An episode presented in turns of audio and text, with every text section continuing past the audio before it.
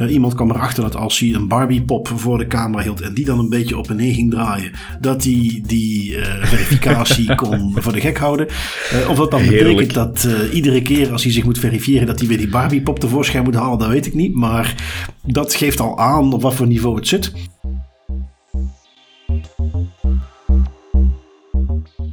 En welkom bij Das Privé, jouw wekelijkse privacy podcast. Iedere aflevering praten we hierbij over het reilen en zeilen in de wereld van privacy. Digitale spionage, boetes, datalekken, nieuwe technologie, privacy tools, oftewel alles dat er in een week gebeurt in privacyland. Ik ben Bart van Buitenen en zoals altijd heb ik er direct Tim van Haren weer bij om het privacy nieuws van deze week te overlopen. We hebben weer alles wat er gebeurt voor jullie gecureerd en nemen alles mee dat er echt toe doet. De hitparade van deze week. Een Brussels vaccinatiesysteem dat gegevens lekt tracking op het internet op weg naar de uitgang, surveillance auto's in Rotterdam, de lobbymachine van Amazon in actie, eens kijken hoe die in elkaar zit, Instagram die video selfies wilt ter verificatie en uiteraard nog veel meer nieuwsartikeltjes, inclusief een leuke privacyvraag. Sommigen hebben dat misschien al meegemaakt over banken die ineens vertellen in de app dat je meer hebt uitgegeven aan bijvoorbeeld restaurantkosten dan anders. Uh, hoe kan dat? Mag dat? Daar kijken we even kort naar. Um, voordat we het nieuws gaan bekijken, nog even een kleine huishoudelijke mededeling, want de Sint komt eraan en dit keer heeft hij een YubiKey 5C meegenomen. Die heeft hij aan Das Privé meegegeven om te verloten onder de luisteraars. Voor de mensen die het niet kennen, want dat is een heel leuk dingetje. Uh, we hebben het al vaak genoeg gehad over multi-factor authentication. Oftewel, als je inlogt ergens, dat alleen een wachtwoord niet genoeg is. De meest voorkomende variant daarnaast is dan zo'n authenticator app, waar je een code krijgt. Waarin je dus of het wachtwoord moet weten en daarnaast ook de telefoon moet hebben waar die code op zichtbaar is. Wel, er is nog een andere manier om die two-factor authentication in te vullen. Dat is doordat jij een fysieke sleutel hebt, een, iets wat je in je USB-poort eh, doet, wat aanwezig moet zijn. Is die er niet, dan gaat hij zeggen van hé, hey, ik mis hier een fysieke factor.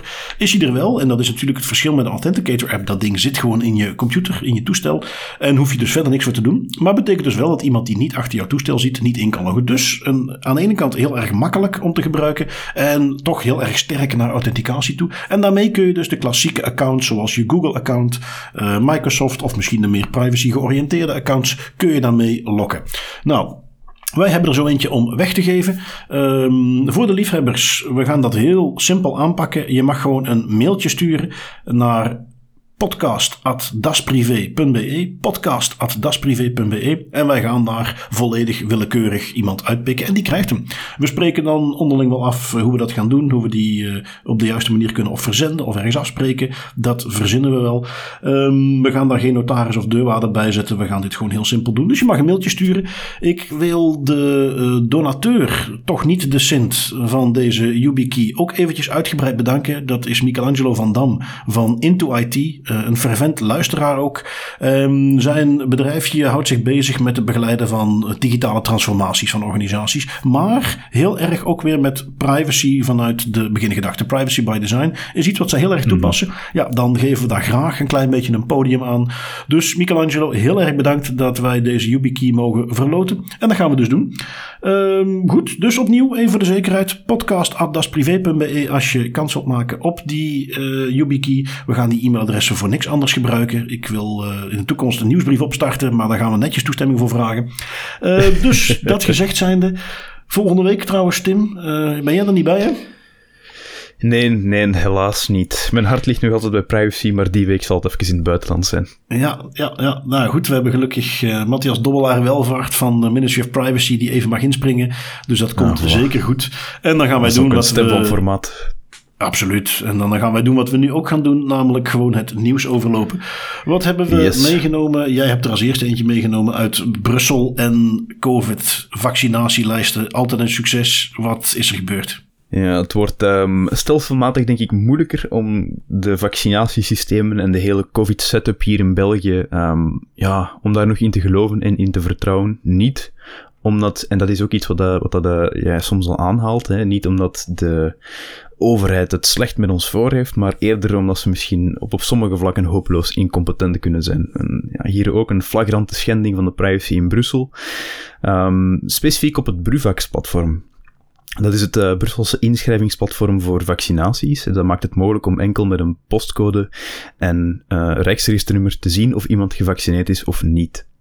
Die tool was eigenlijk ontwikkeld met totaal eenvoud in het achterhoofd. Je moet enkel een naam, een rijksregisternummer en een postcode hebben om een afspraak te kunnen maken in het vaccinatiecentrum. Want in Brussel ja, zitten we natuurlijk nog met een klein probleem dat daar de vaccinatiegraad zeer laag is tegenover de rest van België. En op die manier wouden ze het oplossen door het zo eenvoudig mogelijk te maken.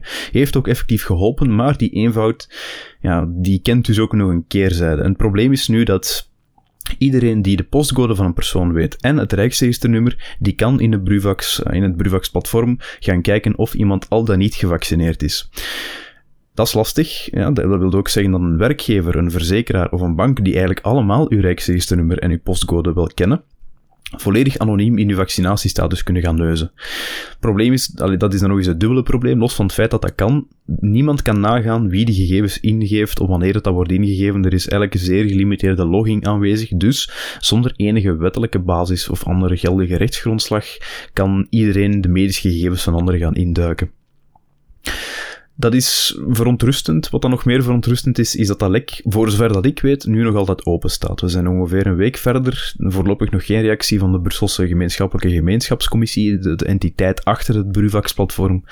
En uh, ja, dat baart me enorm hard zorgen, hè, dat er na een week nog altijd geen, geen enkele reactie is. Nee, nee. En uh, zeker als we dan, want je kunt het op een aantal manieren zou je dit kunnen misbruiken, maar ik denk de meest voor de hand liggende, degene waar ook het meeste om te doen is het nieuws tegenwoordig, namelijk werkgevers die willen weten wat de vaccinatiestatus is. En het is hier maar een kwestie van naar dat platform toe gaan. Uh, inderdaad, die postcode en rijksregisternummer ingeven.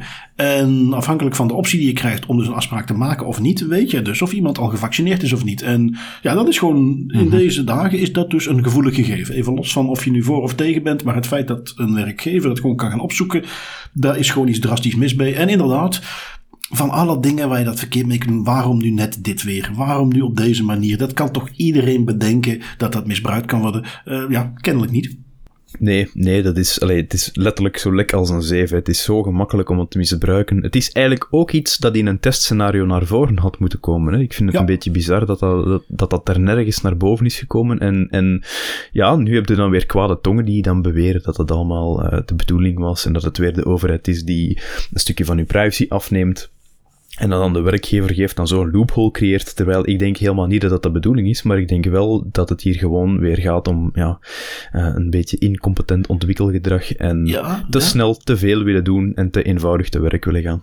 Ja, ja, dat is weer. Uh, je hebt er ook zo'n uitspraak van dat uh, de grootste fails uh, ontstaan om iemand goede bedoelingen heeft. Hier willen ze een zo toegankelijk mogelijk systeem opzetten. En ze maken het vervolgens zo toegankelijk dat alle mensen die er niks mee te maken hebben er iets mee kunnen. Um, goed, dat brengt mij naar het volgende linkje wat we hebben meegenomen. Iets van de European Data Protection Board. Um, voor de mensen die dat niet meteen iets zegt, dat is dus die organisatie, die groep waar alle privacyautoriteiten in vertegenwoordigd zijn. Het hoofd van de autoriteit gaat daarheen met een delegatie. Die komen periodiek bij elkaar. Dat hebben ze nu ook weer gedaan. Bespreken daar guidelines. Bespreken hoe je de GDPR moet interpreteren. En een van de dingen die ze nu gedaan hebben. En dat uh, ja, is niet iets wat je altijd ziet als die bij elkaar gekomen zijn. Als die zo'n vergadering hebben gehad. Uh, die kwamen met een hele duidelijke uitspraak. Ze gingen namelijk ook advies geven over de Digital Services Act. Nieuwe wetgeving die vanuit mhm. Europa komt. Gericht op digitale platformen. En een van de dingen die in die wetgeving aan bod komt is uh, personalized advertising, tracking. Um, en ze hebben daar eigenlijk een heel concrete uitspraak gedaan. Waarin ze zeggen dat uh, de European Data Protection Board vindt dat, uh, dus die, opnieuw die, die, die manier hoe je over het hele internet getracked wordt, dat dat iets is wat uh, binnenkort gewoon verboden moet worden. En ja, daar kan ik me alleen maar hardgrondig bij aansluiten. Ja, dat is een, een zeer sterk advies. En inderdaad, allee, het, het, spelletje heeft lang genoeg geduurd. Um, en zeker als we dan ook kijken naar cookies en naar de tracking pixels en zo de manier hoe het nu werkt is niet duurzaam, is ook heel privacy-invasief. En ik ben heel blij dat de EDPB daar nu ook concreet al met eerst en vooral een advies komt. En dan hopelijk dat dat advies ook door gaat klinken naar de wetgeving die er binnenkort ja. voorkomen. Hè. Ja, dat, is, het is dat is denk ik het belangrijkste. Eh, het is iets waar ik ook uh, van harte aanraad om de volgende Das Privé Discours die online komt. Ja met Linda Worp van Opt-out Advertising om die even te beluisteren. Want zij hebben een, na, in navolging van wat ze destijds bij de Nederlandse Omroep hebben gedaan, die op een gegeven moment trackingloos advertenties ging publiceren, puur gebaseerd op de context van de inhoud. Dus wat, voor filmpje is dit, wat voor um, artikel is dit. En dan kun je op basis daarvan zeggen, oh daar willen we op adverteren, in plaats van bij te gaan houden uh, wat voor informatie je over het hele internet verzameld hebt. En uh, daar gaan we dan wat dieper op in. En uh, daar zie je dus ook dat de technologie er klaar voor is. Dat zij aan onderzoek kunnen laten zien, kunnen bewijzen. Dit werkt net zo goed, minstens, als die, uh, al die tracking. Um, dus ja, dat is iets wat dus ook helpt als de EDPB dit nu aangeeft. Van ja, we moeten, vinden dat we dat moeten verbieden. Tegelijkertijd ook de technologie die dat mogelijk gaat maken om dat te doen. Ja, dan zijn er geen excuses meer. En ja, dan is dat iets wat hopelijk snel tot het verleden behoort. Um, kijken we even door. Wat hebben we nog meegenomen? Een artikeltje van tweakers.net. Deze had jij bij. De stad Rotterdam zit uitbundig de privacy van mensen te schenden met wat surveillance auto's. Uh, wat hebben ze daar als reden voor gevonden? Waarom doen ze dat, Tim? Ja, ja, ja. Het is, uh, het is echt wel een aflevering in het teken van COVID, denk ik. Want ook hier heeft COVID er iets mee te maken. De gemeente Rotterdam die zette vorig jaar, in 2020, cameraauto's in om uh, de coronaregels te handhaven. Want toen was er nog een verbod op bijeenkomsten in grote groepen en dan moesten ze boetes kunnen uitgeven om het te kunnen handhaven. Nu, wat is daar dan in de gemeente Rotterdam niet beter op gevonden dan een bak met een aantal camera's bovenop een auto te schroeven en dan gaan rondrijden om overtreders te filmen om ze daarna dan boetes te kunnen geven daar zijn een aantal dingen mis mee. Je voelt dat al een beetje aankomen. En ook de autoriteit persoonsgegevens die oordeelt nu een jaar later dat het gebruik van die cameraauto's dat dat helemaal onrechtmatig was. En ze plakken daar eigenlijk drie redenen op. Eerst en vooral, als je zoiets wilt doen, het, het grootschalig gaan monitoren van een openbare ruimte, dat is wat je doet. Je gaat rondrijden met een auto met een heleboel camera's op. Je gaat mensen gewoon actief monitoren. Dan is er in de GDPR-wetgeving een bepaling die eigenlijk zegt, wel, dan moet je een, een Data Protection Impact Assessment uitvoeren. Een DPA, een risicoanalyse met de, over de gevolgen voor de betrokkenen. Dat was hier niet gebeurd, dus dat is al strike 1. Twee, de beelden die werden veel te lang bewaard. Zeven dagen, terwijl het eigenlijk de bedoeling is om die mensen op heterdaad te, te kunnen betrappen, een boete te geven en als ze erover discussiëren, eigenlijk met de neus op die beelden te kunnen wijzen. Waarom dat dan zeven dagen daarna nog bewaard moet worden, daar kon niemand een antwoord op geven. Dus AP zegt wel, oké, ja, dan is dat niet noodzakelijk. En dan de derde strike.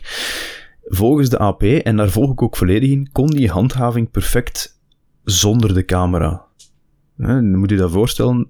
Het idee is, die auto patrouilleert door de straten van Rotterdam met camera's, die filmt al die mensen met het idee dat ze die, die filmpjes kunnen meenemen om die mensen alsnog op heterdaad te gaan betrappen. Waar dient dat filmpje dan voor? Voor een discussie tegen te gaan? Ja, dat is, dat is geen argument.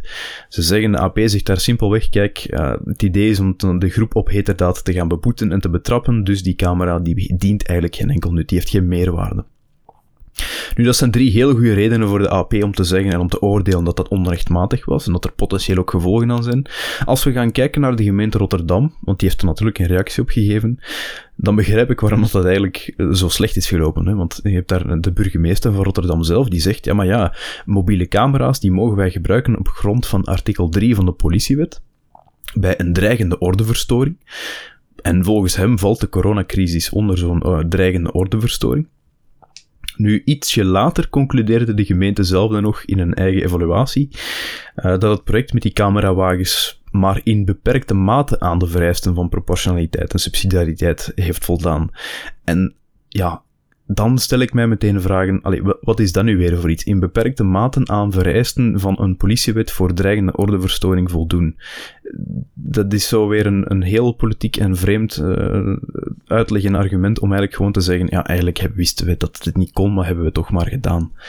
Ja, het zijn gewoon de bekende eufemismes. Dat op het moment dat men zoiets vaststelt, dan kun je zo'n rapport, je eigen rapport, uh, kun je dan zetten. Ja, we hebben er eigenlijk totaal niet naar gekeken. Wij hebben de privacywetgeving met de voeten getreed en oeps, foutje. Of je kunt zeggen, ja, na een analyse van diverse factoren hebben we vastgesteld dat er mogelijk in beperkte mate voldaan is aan de vereisten van subsidiariteit en proportionaliteit.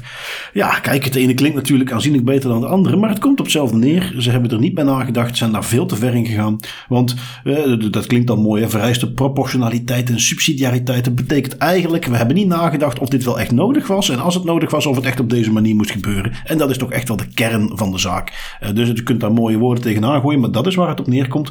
Um, ja, waar we het al vaker over gehad hebben, dat is gewoon. opnieuw, dat is niet omdat die gemeente dan echt erop uit is om mensen hun privacy te gaan schenden, te gaan surveilleren. Het is, ze, ze zien een probleem, kijken naar de makkelijkste oplossing. En zijn waarschijnlijk ook weer niet voldoende op de hoogte van op welke manier zoiets moeten toepassen. Dus gebrek aan kennis, uh, dat stukje incompetentie.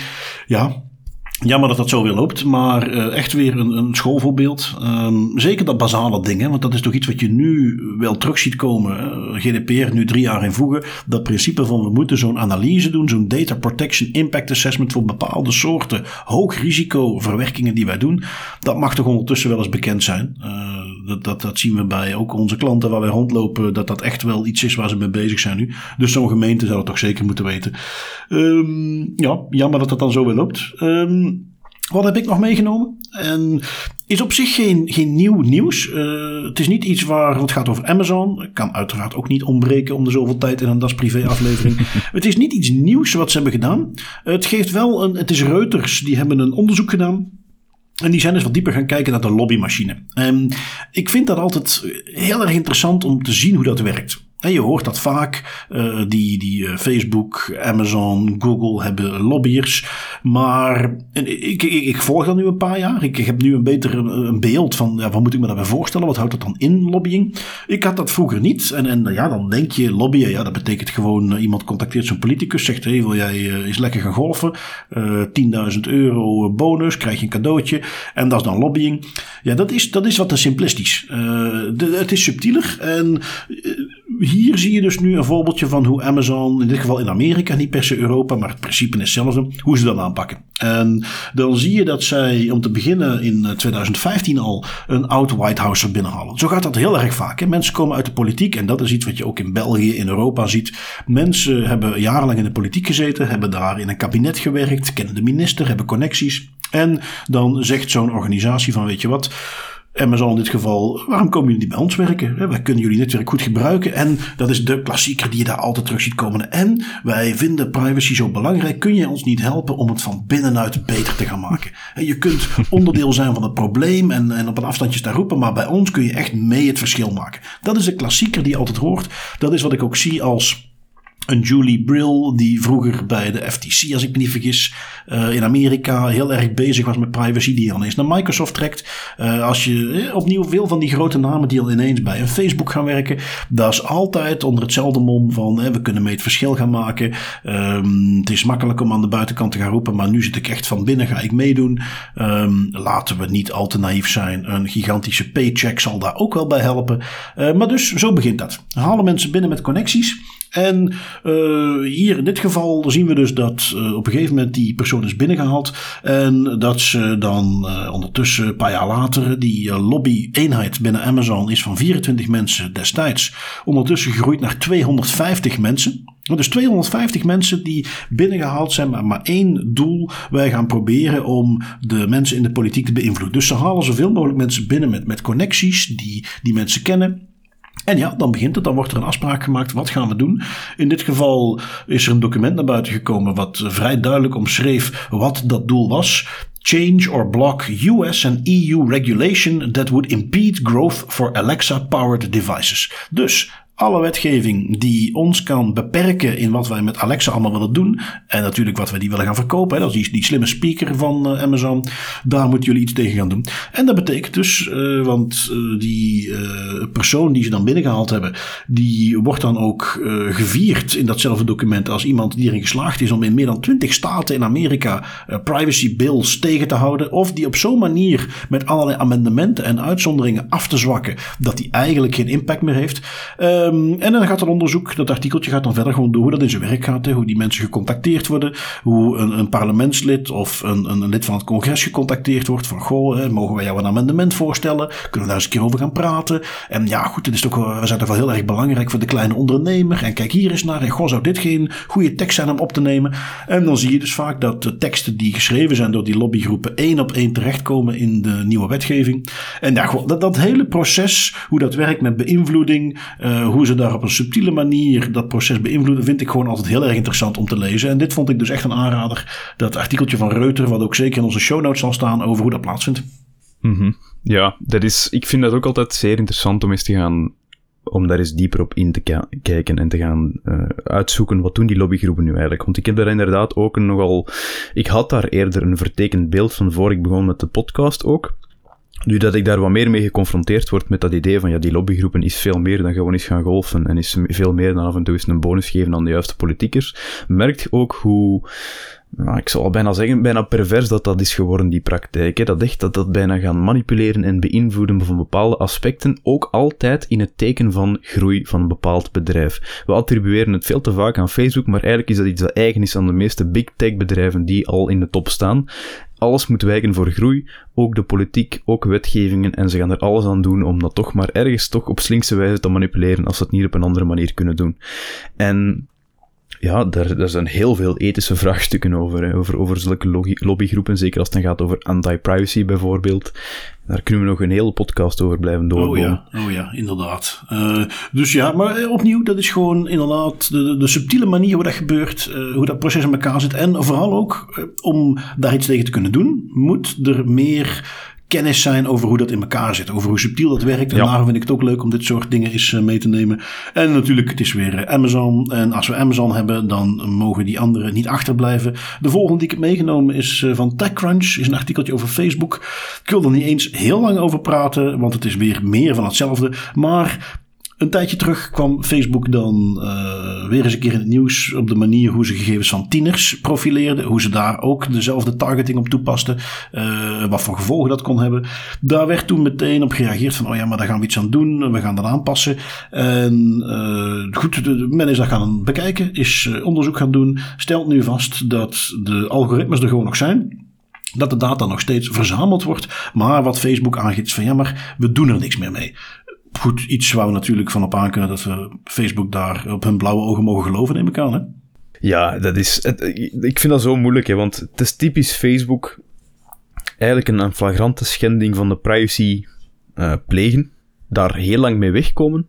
En dan op het moment dat het, dat een beetje het vuur te heet wordt aan de schenen, dan terugkrabbelen, zeggen van nee, nee, nee, we gaan het vanaf nu niet meer doen. We hebben ons lesje geleerd, we gaan ons daar braaf aan houden aan de regels. Maar al die data die ze eigenlijk illegaal of op dubieuze manieren hebben verzameld, ja, die gaan ze natuurlijk nog wel bewaren en die gaan ze ofwel ergens anders gebruiken ofwel in een ander bedrijf gaan steken. En kijk wat er met Meta gebeurt. Over het laatst nog met de biometrische gegevens en de, de facial eh, recognition algoritmes die ze hadden uitgebouwd met dubieus verkregen data van Facebook en Instagram.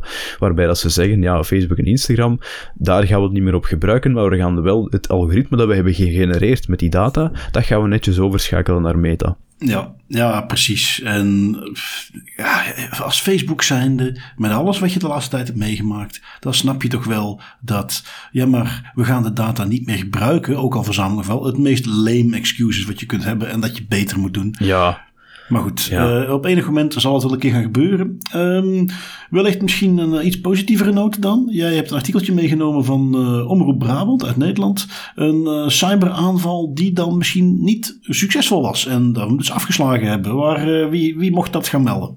Yes, een lichtpuntje in de duisternis. Um, als het goed is, moeten we het natuurlijk ook meenemen. En hier was het heel goed. Een, Nederlands bouwbedrijf Heijmand, die kreeg uh, vorige week denk ik te maken met hackers die 24 uur lang hebben geprobeerd om op uh, eh, 1300 account van het bedrijf binnen te breken.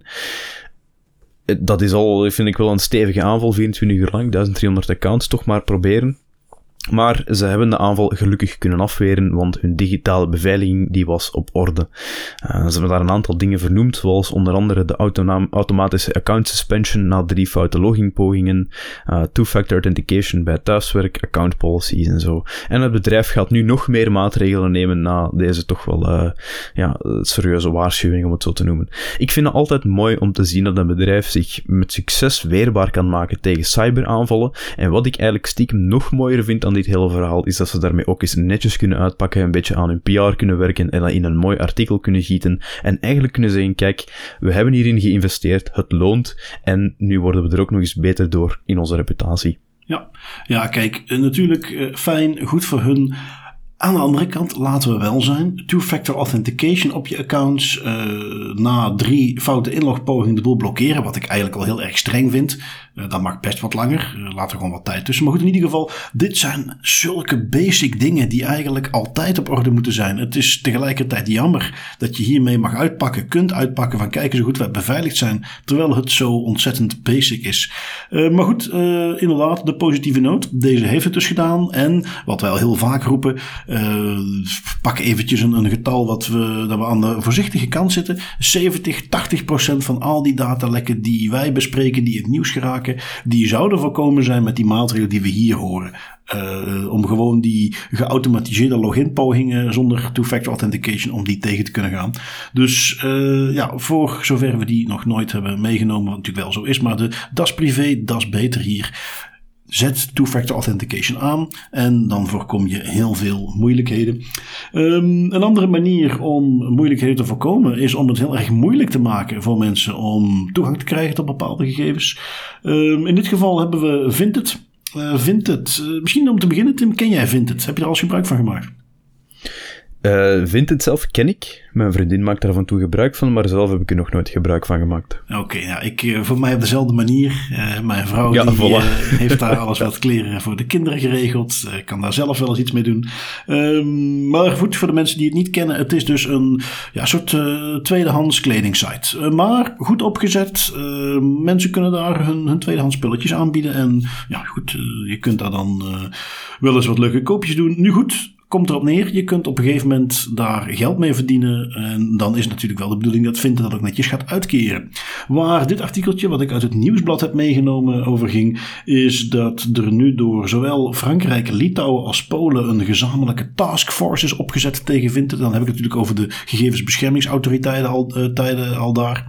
Um, en wat gaan ze daar tegen doen? Wel, een van de dingen die ze daar aan willen uh, kaarten is op zijn minst dat Vinted uh, identiteitskaarten van mensen ging verzamelen dat ze aangaven van ja, voordat je je geld kunt binnenhalen, dan moet je een identiteitskaart uploaden. Um, is iets waar diverse autoriteiten van aangeven na aanleiding van klachten. Daar zien we eigenlijk de wettelijke basis niet van in. Uh, als je die accountgegevens gaat blokkeren, uh, ja, dat is buitenproportioneel. hoe lang ga je die gegevens dan bewaren? Wat doen ze daar verder gewoon mee? Dat zijn een aantal dingen die ze uh, toch wel eventjes duidelijk willen krijgen van vindt het. En ja, zoals het dan volgens de GDPR opzet, uh, de, het betaamt, gaan ze dat gezamenlijk aanpakken. Is de Letse, of sorry, de Litouwse autoriteit is leidend in het onderzoek omdat het bedrijf daar gevestigd is. En gaan ze daar mm -hmm. vervolgens samenwerken om dan gezamenlijk te kijken wat uh, vindt het daar wel of niet goed of fout heeft gedaan.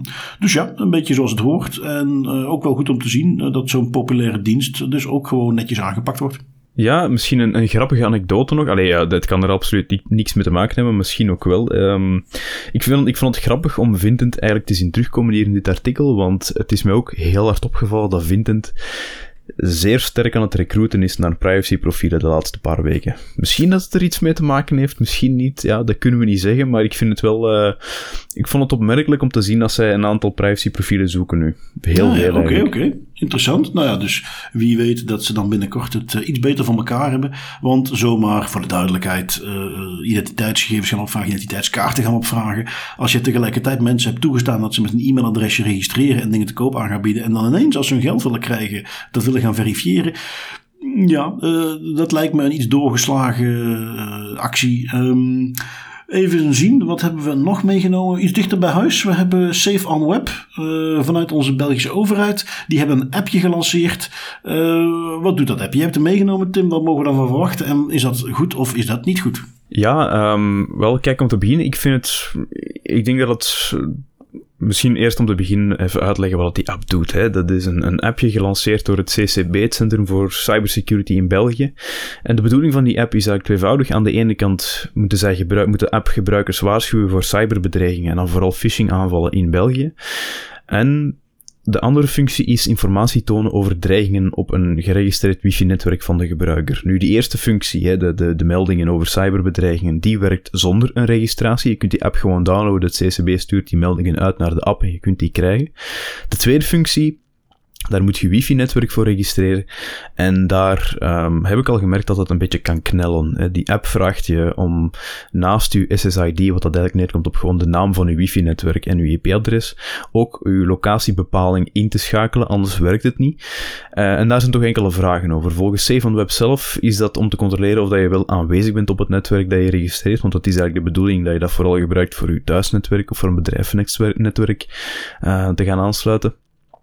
De, wat ik er wel bij moet zeggen is, en dat vind ik wel mooi dat ze daar hebben over nagedacht, de info over de SSID, de, naam van het netwerk en de locatie zelf, die wordt enkel lokaal opgeslagen en die wordt eigenlijk niet doorgestuurd naar Safe on Web of naar uh, de Firebase app die erachter hangt. Ik ben eigenlijk ook eens benieuwd, Bart, wat jij ervan denkt.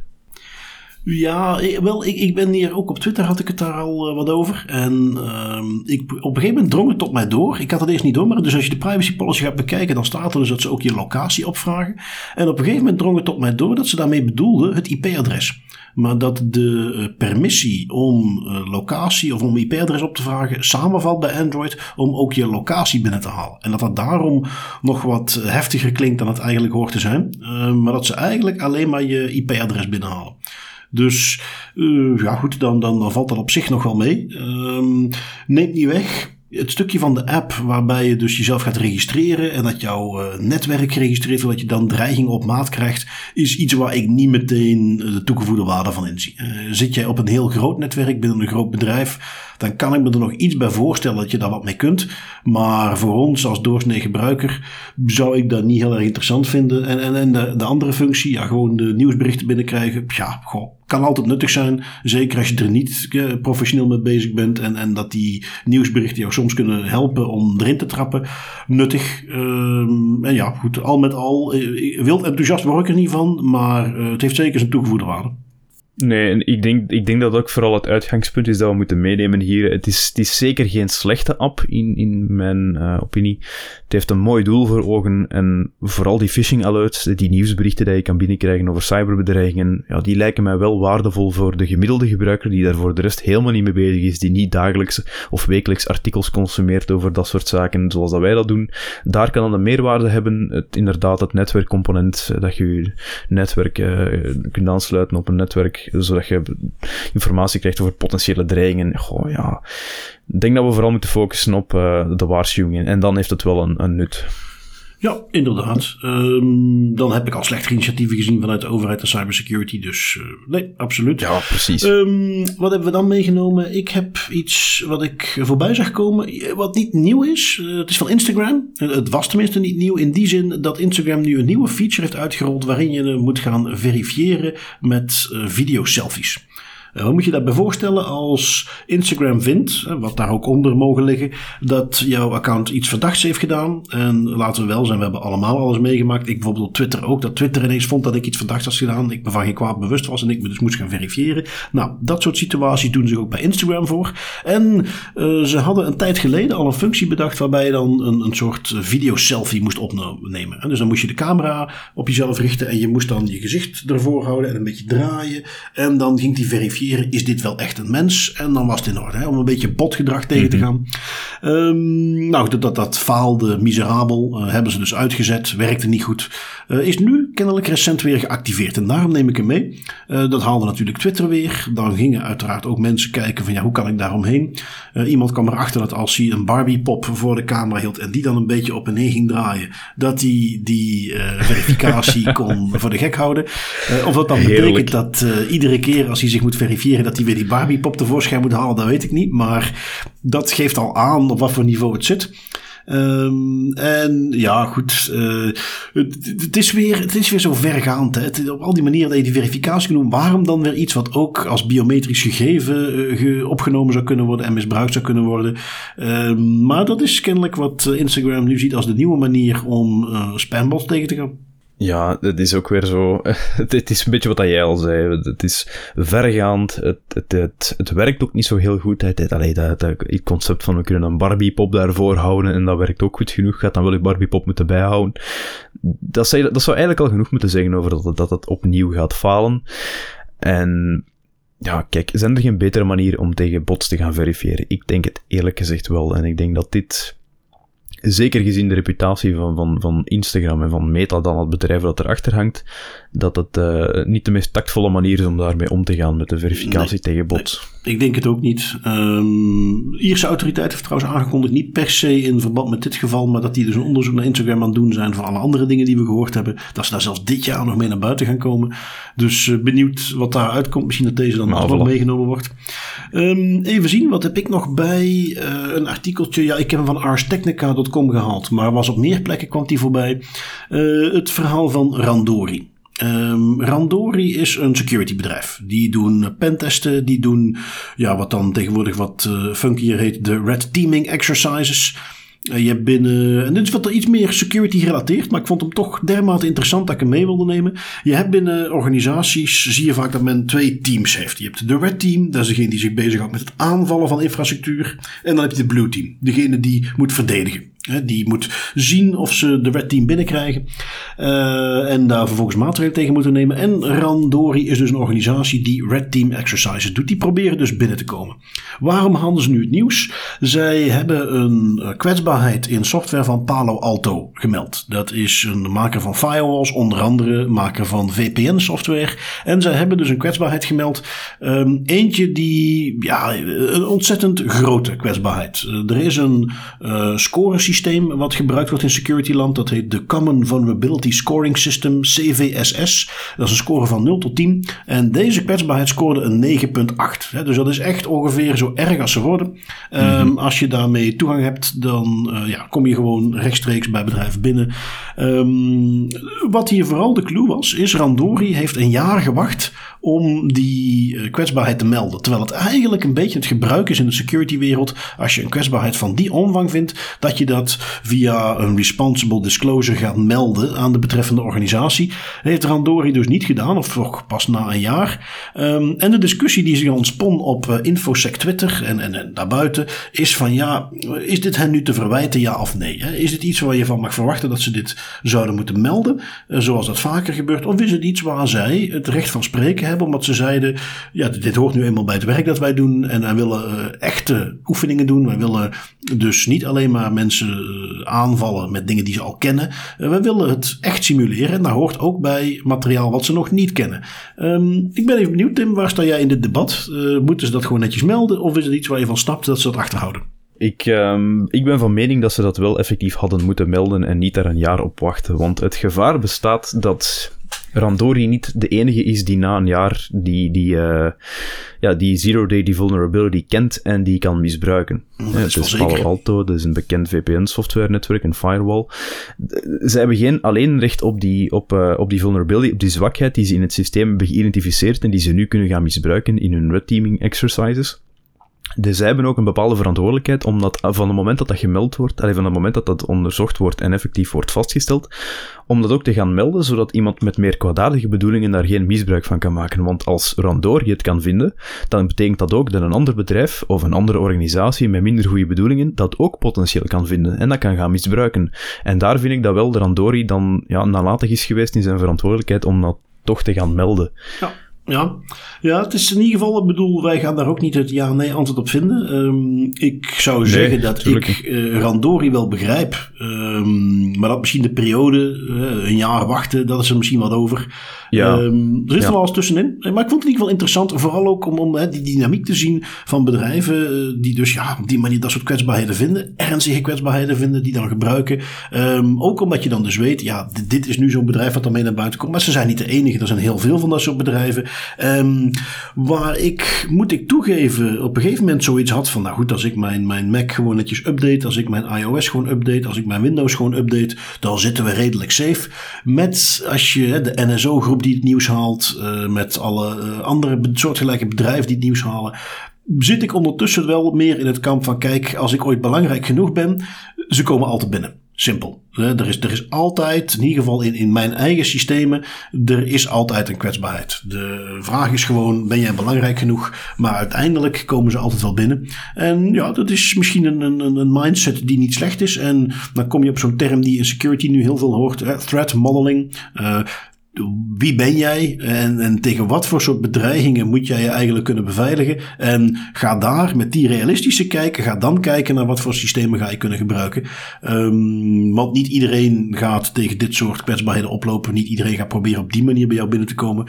In die zin vond ik het dus gewoon een interessant om eens mee te nemen. Ook omdat uiteindelijk het beveiligen van gegevens ook iets is waar wij in privacyland mee te maken krijgen. Um, dan gaan we weer wat meer puur naar de, de privacykant. Uh, iets vanuit de gemeente Delft in Nederland dit keer. Um, niet per se eh, nieuw nieuws, uh, wel voor Delft, maar meer van hetzelfde, wat we al een paar keer voorbij behoren komen. De gemeente gebruikte netprofielen om te spioneren op zijn burgers. Mm -hmm. Jawel, nog eentje.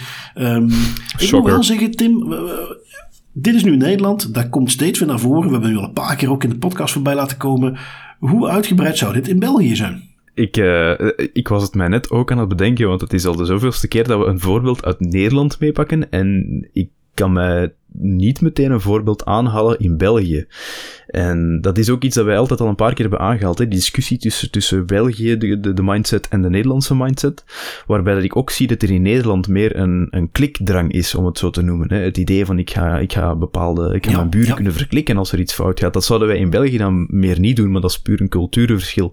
En ik, misschien dat dat daar ook iets mee te maken heeft. Ik vind het al sinds interessant om te zien dat die Nederlandse gemeenten dat toch wel ja, echt heel veel doen. Te veel eigenlijk. Ja, ja. ja inderdaad. Um, nu, wat ik hier ook uh, apart aan vond, los van hetgene dat die gemeente dat dan netprofieltjes maakt om de burgers in de gaten te houden, is dat dit naar buiten gebracht werd door de functionaris gegevensbescherming. Dat hij daar een beetje mm -hmm. de pers mee gehaald heeft. Dat het artikeltje waar ik het vandaan had, stond in het AD, um, dat daar dan een grote foto van de DPO, de functionaris gegevensbescherming, op stond.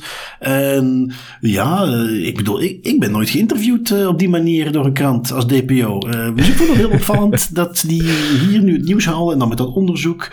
Um, ja, uh, opvallend. Uh, nou goed, natuurlijk zullen we nu weer het vervolg gaan zien. Wat gaan ze ermee doen? Op wat voor manier gaan ze ermee om?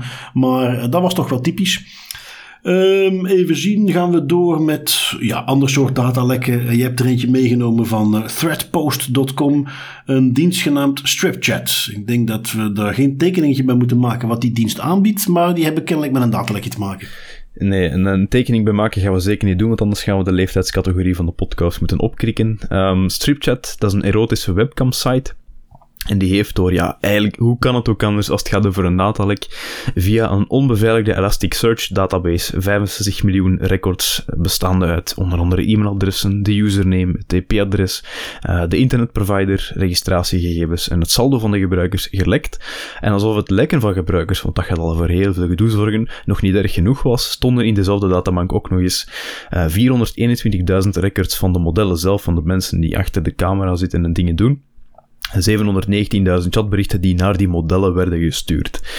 Dit is voor iemand die wel eens zin heeft om aan afpersing te doen een goudmijn. En het ergste van al is, dit is ook weer ontdekt door een beveiligingsonderzoeker uh, nadat de databank, de Elasticsearch Database, geïndexeerd werd door een zoekmachine, waarbij hij zelf ook aangeeft van ik heb het redelijk snel gevonden nadat het geïndexeerd was, maar voordat het geïndexeerd was, is het maar de vraag hoe lang heeft dat opengestaan en uh, ja, wie is er allemaal aangekomen. Hè? Dat is iets dat hij niet kan zien, dat hij niet kan weten. Nu goed, uh, de zoveelste dienst die dus weer zijn data online zet, daar niet goed mee omgaat. Um, we blijven ze gewoon opvolgen, we blijven de lessen uittrekken. Wij gaan even door naar de autoriteiten. You will respect my authority. En deze keer, ja, ik, ik vind dat ik een leuke bij heb. De, hij komt van security.nl, zag ik hem staan. Ik had hem eigenlijk ergens anders niet gezien. En Mhm. hij komt van de Cypriotische autoriteit. Wie? Ja, Cyprus. Die hebben ook een autoriteit. Zitten uiteraard ook in de Europese Unie. Eh, en die gaat er meteen voor. 925.000 euro boete. Eh, het is ook Hmm, een, hele mooie. Het is ook een hele mooie. Ehm, die boete komt naar het bedrijfje Y-Spear. En dat is een bedrijfje wat eh, opgericht werd door een ex-IDF'er. Eh, IDF staat voor de Israeli Defense Force. Dus die heeft jarenlang in het Israëlische leger gezeten. Ja, dan eh, zat hij ook nog eens in de unit 8200. Hè, wat dus in het Israëlische leger bekend is als de unit die zich bezighoudt met eh, afluisteren, hacking activiteiten. Die heeft in 2014 een bedrijfje wat hij toen had opgericht eh, in 2009, genaamd Circles, heeft hij verkocht aan de NSO Group. Dus ja, dan weet je het wel. Dit was geen bedrijfje, dit is geen meneer die zich bezighoudt met het eh, wifi tracking in een winkelcentrum om de flow om rond te lopen te verbeteren. Dit gaat net even iets verder. Die haalde een paar jaar geleden alles het nieuws met zijn surveillance van die dat bedrijf maakte. Dus dat was een busje wat dan een paar miljoen kostte. Waar IMSI-catchers in zaten. Waar allerlei tools in zaten om op grote afstand eh, verbindingen te kunnen onderscheppen. WhatsApp-berichten af te kunnen luisteren. Ehm, die, dat was eh, een video die we ook zeker in de show notes zullen zetten van eh, Forbes. Die daar wat aandacht aan besteden. En waar hij toen dus het nieuws mee haalde was dat hij die eh, van, die surveillance van, stond bij de luchthaven in Cyprus van Larnaca. En die stond daar gepasseerd. En die stond daar natuurlijk als een maloot allerlei berichtjes te onderscheppen op die eh, luchthaven. Ehm, daar heeft, dat heeft dus een staartje gekregen. Eh, daar is een flinke boete voor uitgeschreven van eh, ja, dus 925.000 euro. Nou, daar, dat is niet slecht voor een eerste serieuze boete van de autoriteit. Nee, daar hebben ze meteen wel een naam mee gemaakt. Want om heel eerlijk te zijn, de, de Cypriotische autoriteit. Ik wist natuurlijk wel dat die bestond, want die, ja, dat is ook een Europees Unie-lidstaat. Maar ik had er eigenlijk nog nooit van gehoord. Ik had nog nooit die zien passeren Nee. in een boete of in een advies of wat dan Nee, ook. nee. Dus eh, die hebben wel meteen stevig hun naam gemaakt. Well done, inderdaad. Eh, Ja. ik, ik zag hem eh, dus op security.nl. Daar, ja, een van de dingen die die, de, die, de- die surveillance van dan ook verzamelde, was alle MAC-adressen van gebruikers. En een van de comments onderin security.nl was dan: ehm, Op dit moment gebruik ik Tails in een virtual box omgeving in een niet nader genoemd besturingssysteem. Voor elke sessie van Tails kan ik mijn MAC-adressen veranderen. Dus als een organisatie MAC-adressen van mij verzamelt, dan hebben ze er niet veel aan. Ja, opnieuw, je hoort hier een paar dingen. Hè. Tails, het meest privacy-georiënteerde besturingssysteem in Linux. Eh, dat draait hij dan ook nog eens in een virtual box. Dat betekent een gevirtualiseerde omgeving op een niet nader genoemd besturingssysteem. Nou, ik zal even een gokje wagen. Dat zal wel Linux zijn. Ehm, en die zit dus kennelijk per sessie dan de unieke adressen van zijn netwerkapparatuur te veranderen.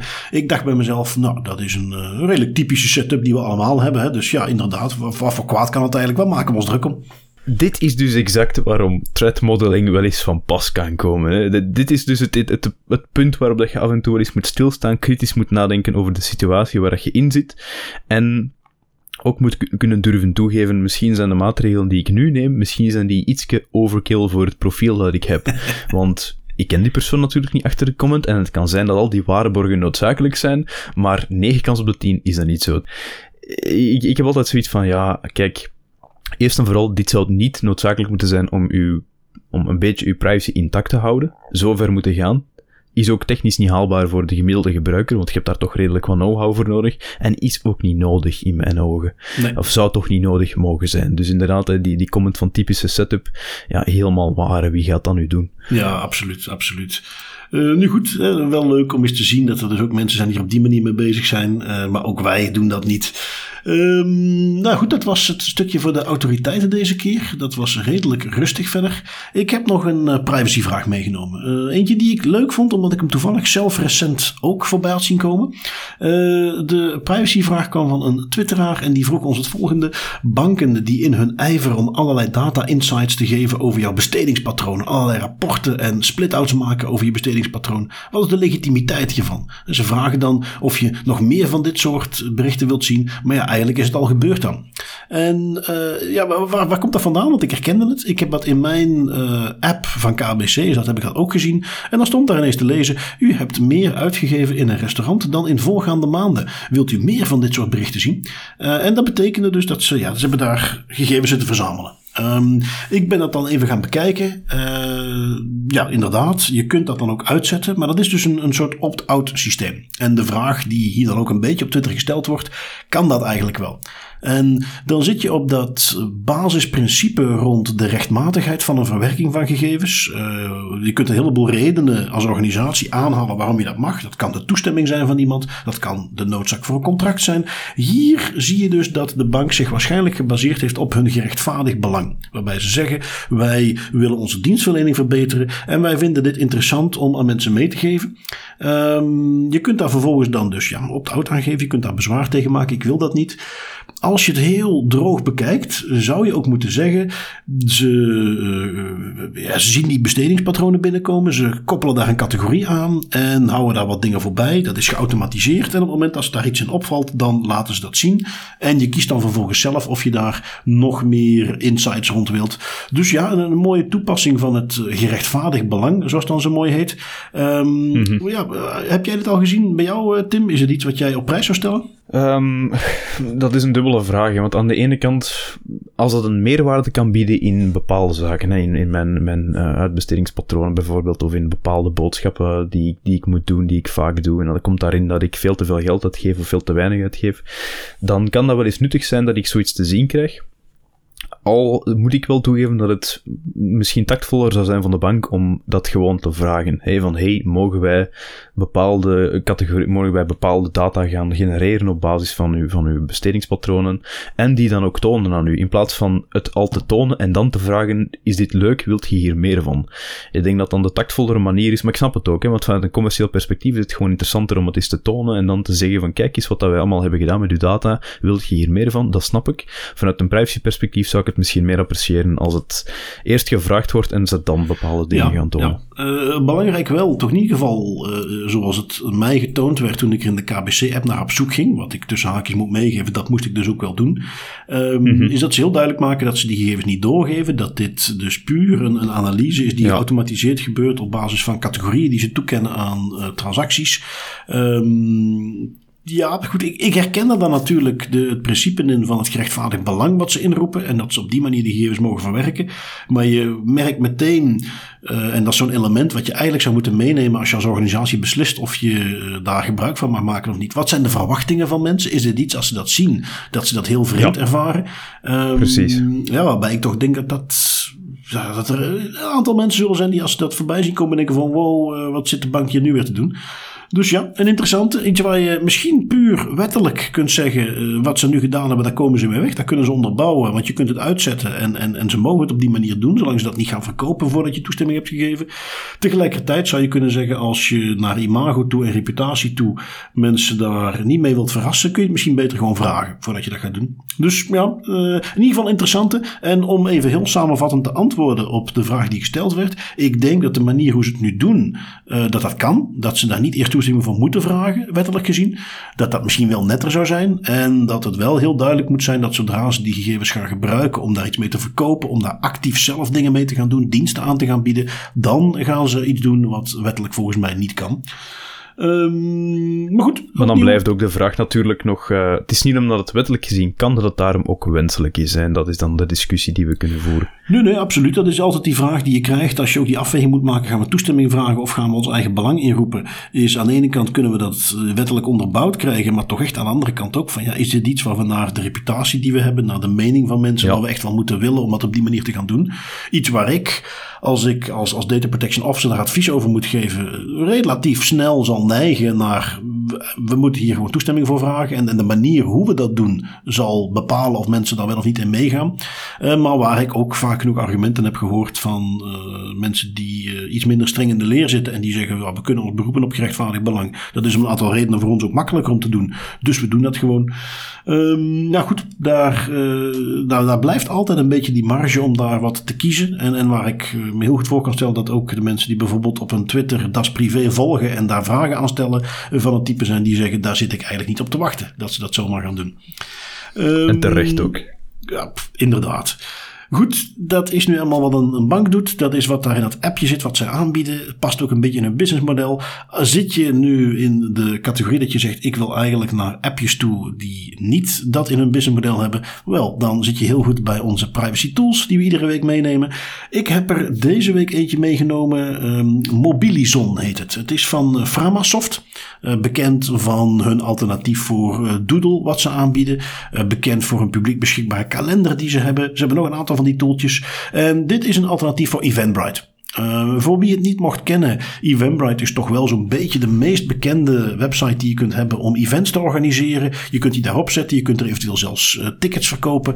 Um, een heel makkelijke manier om gegevens over uh, geregistreerde en deelnemers aan event bij te houden. het is iets waar ik bijvoorbeeld ook al aan dacht als ik dacht aan PrivCon 2022. Hè, een beetje de privacyconferentie die ik eigenlijk graag met de Das Privé wil organiseren. Um, van ja, daar, daar zullen we ook zo'n zo toeltje voor moeten gebruiken. Maar hoe ga ik dat doen op een manier dat ik niet Eventbrite moet gebruiken? Wel, daar is Mobilizon, dus een hele interessante. Maar natuurlijk voor allerlei events die je wilt doen, als je daar een beetje structuur in wil brengen rond registraties en dat niet op een eigen website op een makkelijke manier kunt doen, uh, is dat een hele goede optie. En ik vond het dus heel leuk om eens zo'n toeltje te vinden uh, wat dan uh, qua insteek het goed omgaan met de gegevens en privacyvriendelijk is, omarmd heeft. dus Mobilizon, join mobilizon.org is de website. Staat uiteraard ook in de show notes en straks op onze Das Privé tooltips. Uh, wat heb jij meegenomen, Tim? Ik heb um, voor de verandering nog eens een boek meegenomen van Lode Lauwaard, genaamd Wij Robot. En dat is eigenlijk een boek dat is net uitgebracht, vorige week denk ik. Um, Lode Lauwaard is een techniekfilosoof en het boek duikt in op de meer filosofische vraagstukken rond artificial intelligence, zonder te verzanden in, in mijn ogen, zweverig gedoe. Wat ik vooral leuk vind aan dat boek is dat het op, vlak van technologie en op vlak van AI, het is goed onderbouwd. De definities die ik erin heb zien terugkomen zijn correct en zijn mooi verwoord en ook helder verwoord. En uh, ik vind het een heel nuttig boek, omdat het u als lezer ook eens uitdaagt om ja, eens een vraag te stellen over bepaalde toepassingen van AI. Wat dat AI nu eigenlijk is, wat dat de meerwaarde kan zijn, wat dat ook de minpunten zijn. En overal vind ik dat het gewoon een mooie brede basis geeft om zelf eens wat kritisch na te denken daarover. Oké, Heel interessant. Die zal ik ook op mijn uh, lijstje zetten. Goed, dan zijn wij weer aan het einde gekomen van een aflevering, Tim. Um, ik zal je volgende week missen, ook al zal jouw plaats zeker goed ingenomen worden door uh, Matthias. Um, geniet van je vakantie yes. en uh, ja, onze luisteraars, wij horen jullie volgende week weer. Ja, ja, en geen zorgen, want daarna ben ik weer terug en gaan we er weer volop tegenaan. Absoluut. Goed, tot over twee weken, Tim. Tot volgende week, onze luisteraars. tot over twee weken. Joep.